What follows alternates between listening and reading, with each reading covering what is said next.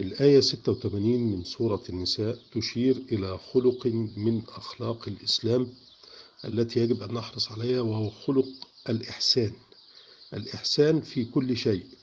وهذه الآية تشير إلى آه، الإحسان في التحية. إذا حييتم بتحية فحيوا بأحسن منها أو على الأقل الحد الأدنى أو ردوها.